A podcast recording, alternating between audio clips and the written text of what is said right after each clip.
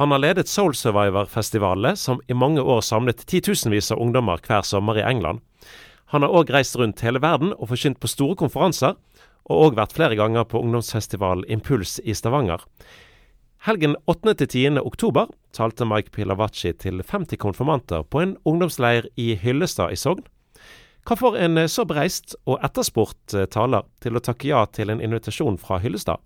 I've been doing this for years, and one of the things I've learned over the years is it's not about the numbers, it's about the people.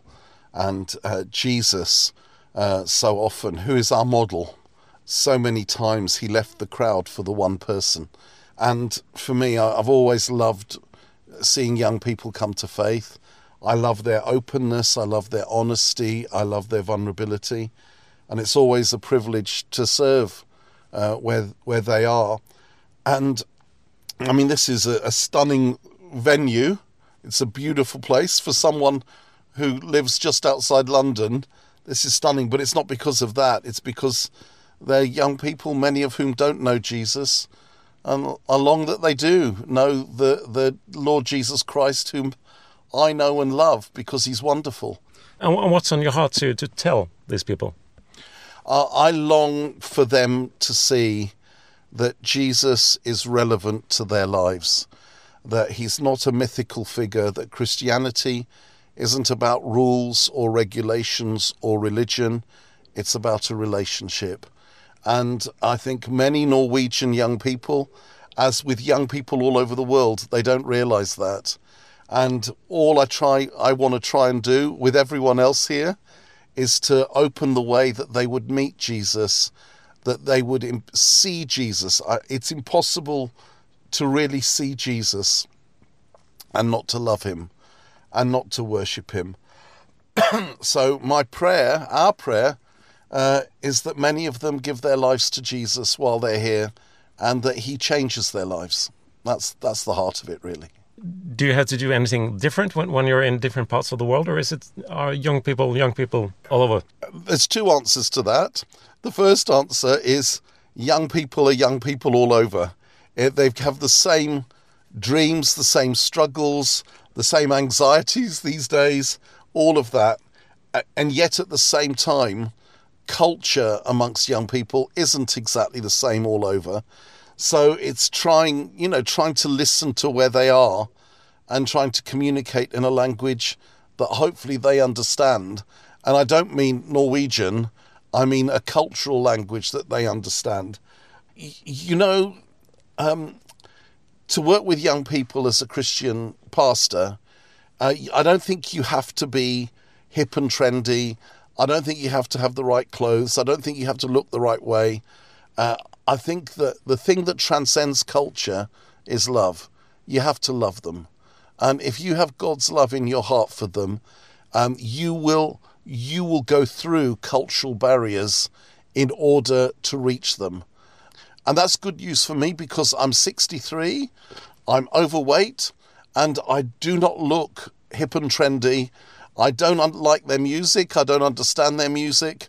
I'm waiting for the Simon and Garfunkel revival, but I do have a love for them, and so hopefully that that I hope speaks uh, through any cultural barriers. Mm. En tanke om at man må være mester på sosiale medier, forstå ungdomskulturen og helst generelt være hipp og kul for å arbeide med ungdom, er helt feil, mener Mike Pilavacci. Absolutely, it's a wrong idea.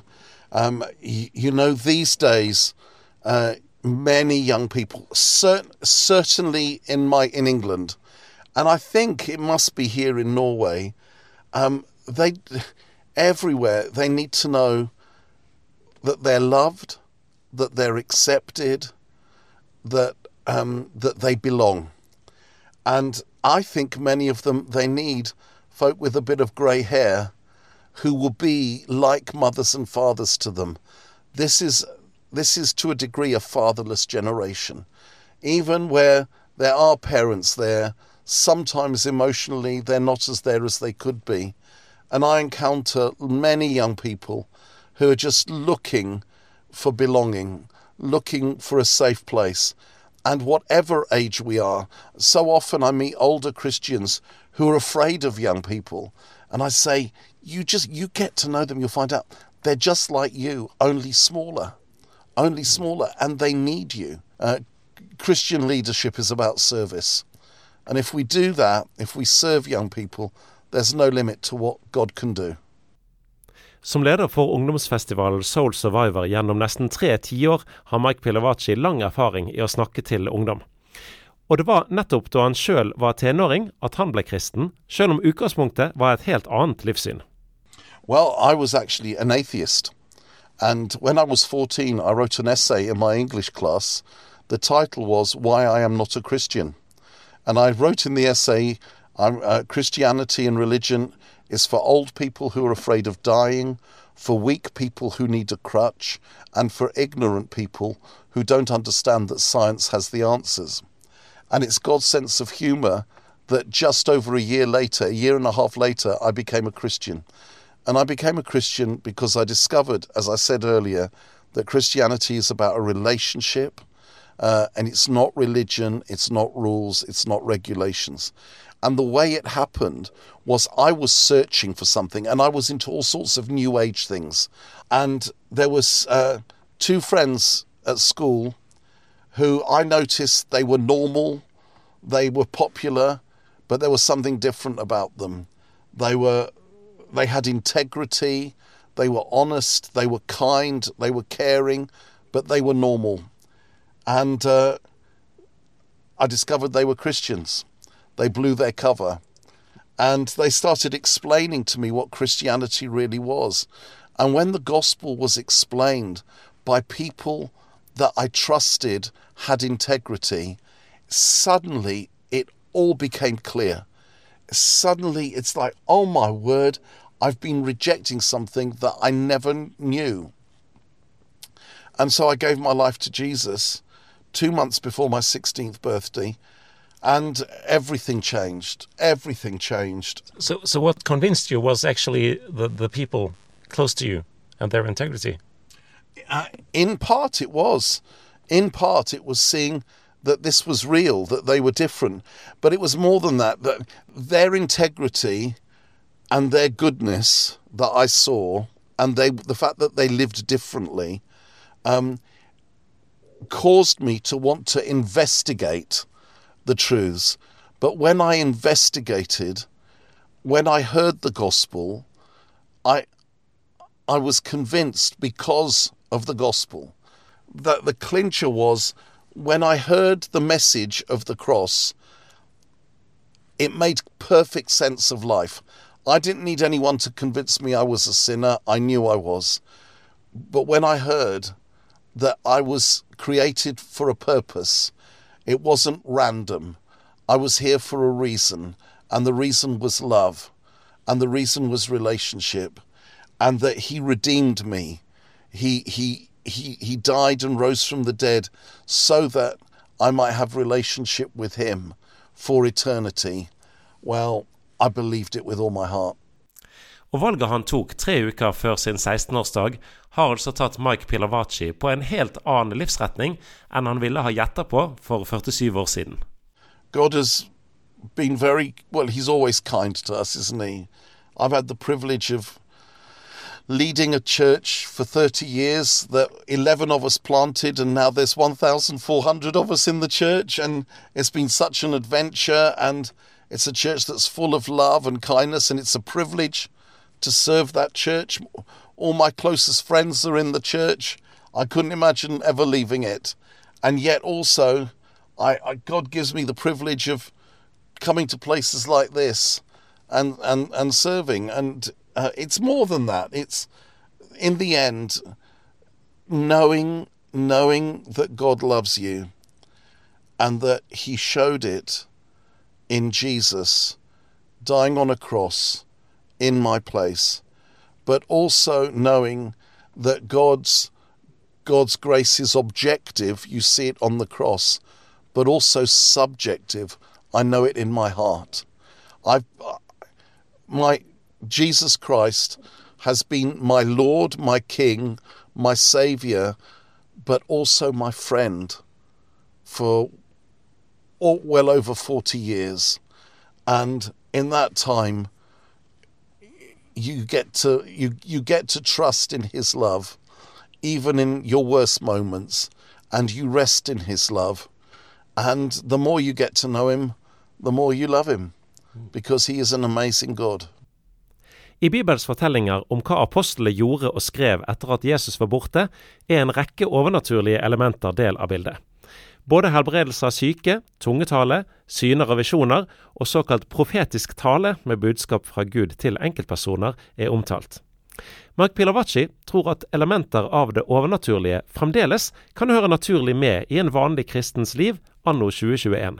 I think the same parts of the supernatural that you see in the Bible, in the Acts of the Apostles, the early church, um, they did proclamation evangelism. They preached the gospel. They served the communities around them. Where there was a famine, they took offerings and everything. They did friendship evangelism. Uh, but also, with all the rest, they, they did what's called power evangelism. You see it again and again and again. I love the story of Philip and the Ethiopian eunuch. Phil was sitting at breakfast one morning uh, on Twitter or Instagram or whatever he was doing, and the Lord says to him, Go to the Gaza Road and stand there. Phil doesn't know why, but he goes and stands there. Then he sees a chariot, and the Lord says, Go and stand next to the chariot. He doesn't know why, he does it. Then he hears the guy inside, the Ethiopian eunuch, reading aloud from Isaiah the prophet. This time, the Lord doesn't tell him anything because he doesn't need to. What he says is, Phil, I've taken you this far, now use your common sense. So Phil says, Do you understand what you're reading? And the man says, How can I without someone to explain? And I think Phil thinks, That's why I'm here. And in the end, he leads the Ethiopian eunuch to Jesus. And what I love about that story, it had the supernatural, it had proclamation, and it had serving. And do you know it says the Ethiopian eunuch was on his way back to Ethiopia from Jerusalem, where he went to the temple to worship. And he would have gone back, he would have been on his way back full of pain because he would have been rejected, because the law said that eunuchs were not allowed to go into the temple to worship. So he had been rejected. And so the Lord, in his love, sends Phil to say, The temple may have rejected you, but I haven't. The gospel is for you. And he was rejoicing. Isn't that a beautiful story? And what Phil did, it was just natural. And I believe in the gifts of the Spirit and following the leading of the Holy Spirit today, but in a way that's natural, that's normal.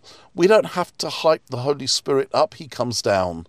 Uh, God is God is alive, and if He is God, He will do godlike things. And in the Acts of the Apostles, you see divine interventions again and again and again in the context of ordinary, normal life. And I believe we can do that today. Mike Pilavachi har òg skrevet boken 'Naturlig overnaturlig' sammen med Andy Croft, en bok som òg fins på norsk. På originalspråket har boken undertittelen 'Living a Spirit-led Life Without Being Weird', altså å leve et åndsledet liv uten å bli snål. Det henviser til at ting som profetiske budskap eller bønn for syke kanskje fort kan bli ganske teatralsk, og kun noe for de spesielt åndelige i hermetegn. Men Mike Pilavacci vil gjerne normalisere og avmystifisere disse tingene. Yes, absolutely. That's exactly what we're trying to do. What we what we want to do because um, sometimes when we get into those things, we can make them sound so weird and so otherly. And so, if you notice, Paul kept saying to the Corinthians, he didn't say, Don't do these things. He said, I thank my God that I speak in tongues more than any of you. But he says, Guys, come on. When you come together, don't babble in a way all the time that outsiders don't understand. Think of the visitor, think of the outsider, help them to be at home, don't exclude them. And sometimes in our, and I'm a charismatic Pentecostal Anglican, all right. So I'm not, but sometimes in our meetings, what we've done is we've become exclusive, and it's been the survival of the spiritually fittest. And no non-Christian has the stamina to stay long enough uh, to hear the gospel and become a Christian. And what we want to do is not throw out the supernatural, but actually always explain, always include others, always uh, be normal, be friendly. I think non Christians would not have a problem with the supernatural if it was accompanied by love. You know, I'll just say this 1 Corinthians 14, verse 1 says, Make love your aim and eagerly desire the spiritual gifts.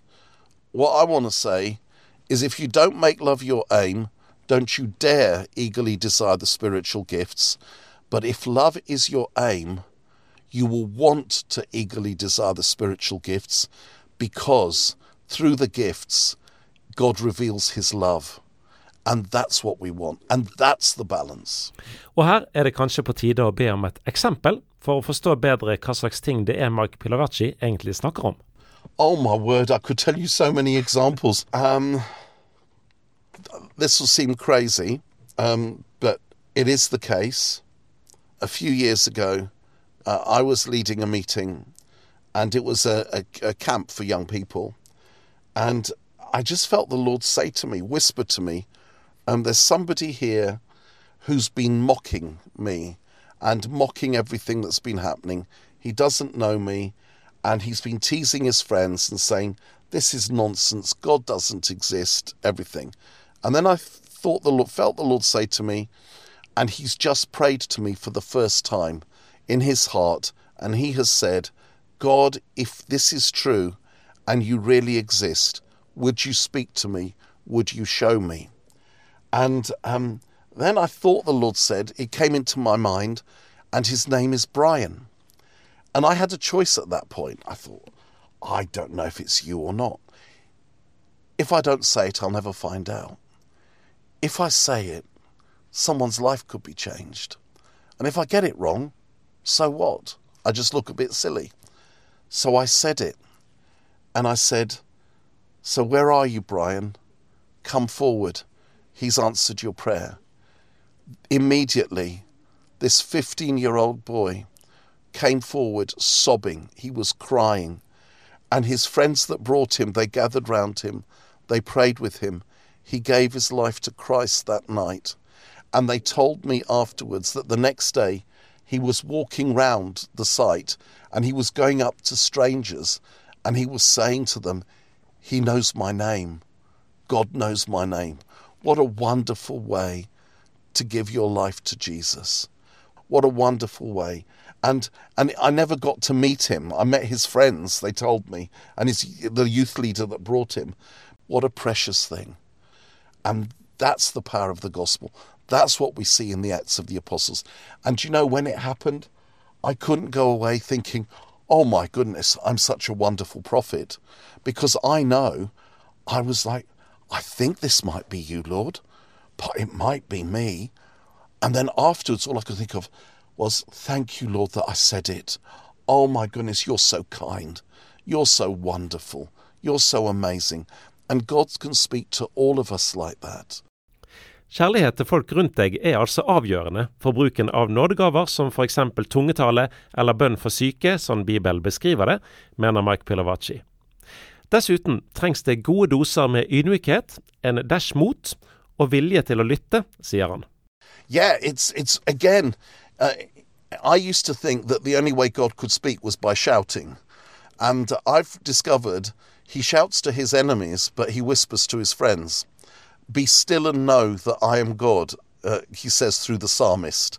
He doesn't say be loud and know that I am God. Be still, still your heart. Um, after the great victory um, on Mount Carmel o- over the prophets of Baal, Elijah is taken uh, to another mountain, and there there is an earthquake, a wind, and a fire and God was not in the earthquake, the wind, or the fire on Mount Horeb. Then came a gentle whisper, a still small voice. And The earthquake and wind and fire might happen occasionally, but every day we can hear the gentle whisper, the still small voice. God is always communicating because he wants intimacy with us and he loves us. And and the place of humility is to be aware we could always get it wrong. And if we love people and we're humble, no one gets damaged. Okay?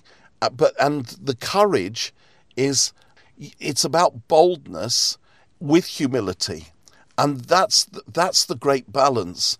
And when that happens, you see that Jesus, the number of times I've not been sure if it's Jesus or or indigestion speaking.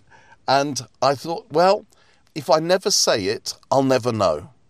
And if I don't say it, I'll never know if it's Jesus. But if I do say it, somebody's life might change. And if I say it and get it wrong, nobody dies.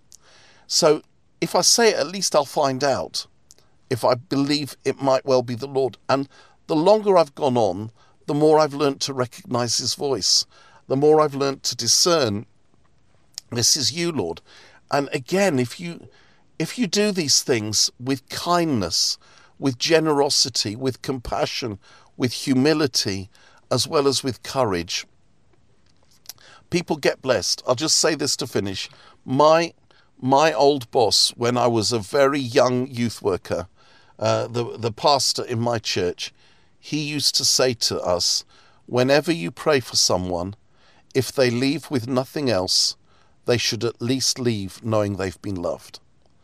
And our job is to pray in love, to make love our aim, and to eagerly desire the spiritual gifts, and then to leave the results to our Lord and Saviour. Og Mike Pilavachi mener at kirken har lite å tape og masse å vinne på å ta de åndelige nådegavene som omtales i Bibelen, enda mer i bruk. The gain is people's lives get changed. people's lives uh, are transformed uh, when when they realize he knows my name god knows me god is speaking to me. Uh, god knows about my pain. God knows about my situation and he loves me. And and when you pray for someone and the holy spirit meets with them what they receive is love. It's the love of God. The love of God is shed abroad in our hearts, it says in an English translation of the Bible. Uh, the, the Spirit, it's by the Spirit we cry, Abba, Father that we know we are children of God. It's by the Holy Spirit. We don't know how to pray as we ought, says Paul, but but the Spirit intercedes for us, with us, in us, through us, with sighs and groans that are beyond words. The Spirit brings revelation. That's why Paul prays to the, for the Ephesians. I pray that your eyes, the eyes of your hearts would be opened so that you would know the hope to which he has called you, his glorious inheritance in you, the saints, and his incomparably great power for you who believe. That's why we want to be a people of the Spirit, because the Spirit always points to the Father and the Son. The Spirit gives us power to be witnesses. The Spirit brings revelation so that He guides us uh, to where, where He wants us to go. And our job is to listen, to be humble, to pray, and to obey. You see, when we super spiritualize the gifts of the Spirit, mm. we make them for the elite few. It's for the whole church of Jesus. It's for all of us. Yes, some move more in certain things than others, uh, but I want to equip the whole church. And the way you do that is by making it normal, by making it part of the everyday, and by getting rid of all the super spiritual stuff that can be associated with it. Du har hørt en podkast fra Petro. Du finner masse mer i vårt podkastarkiv på petro.no.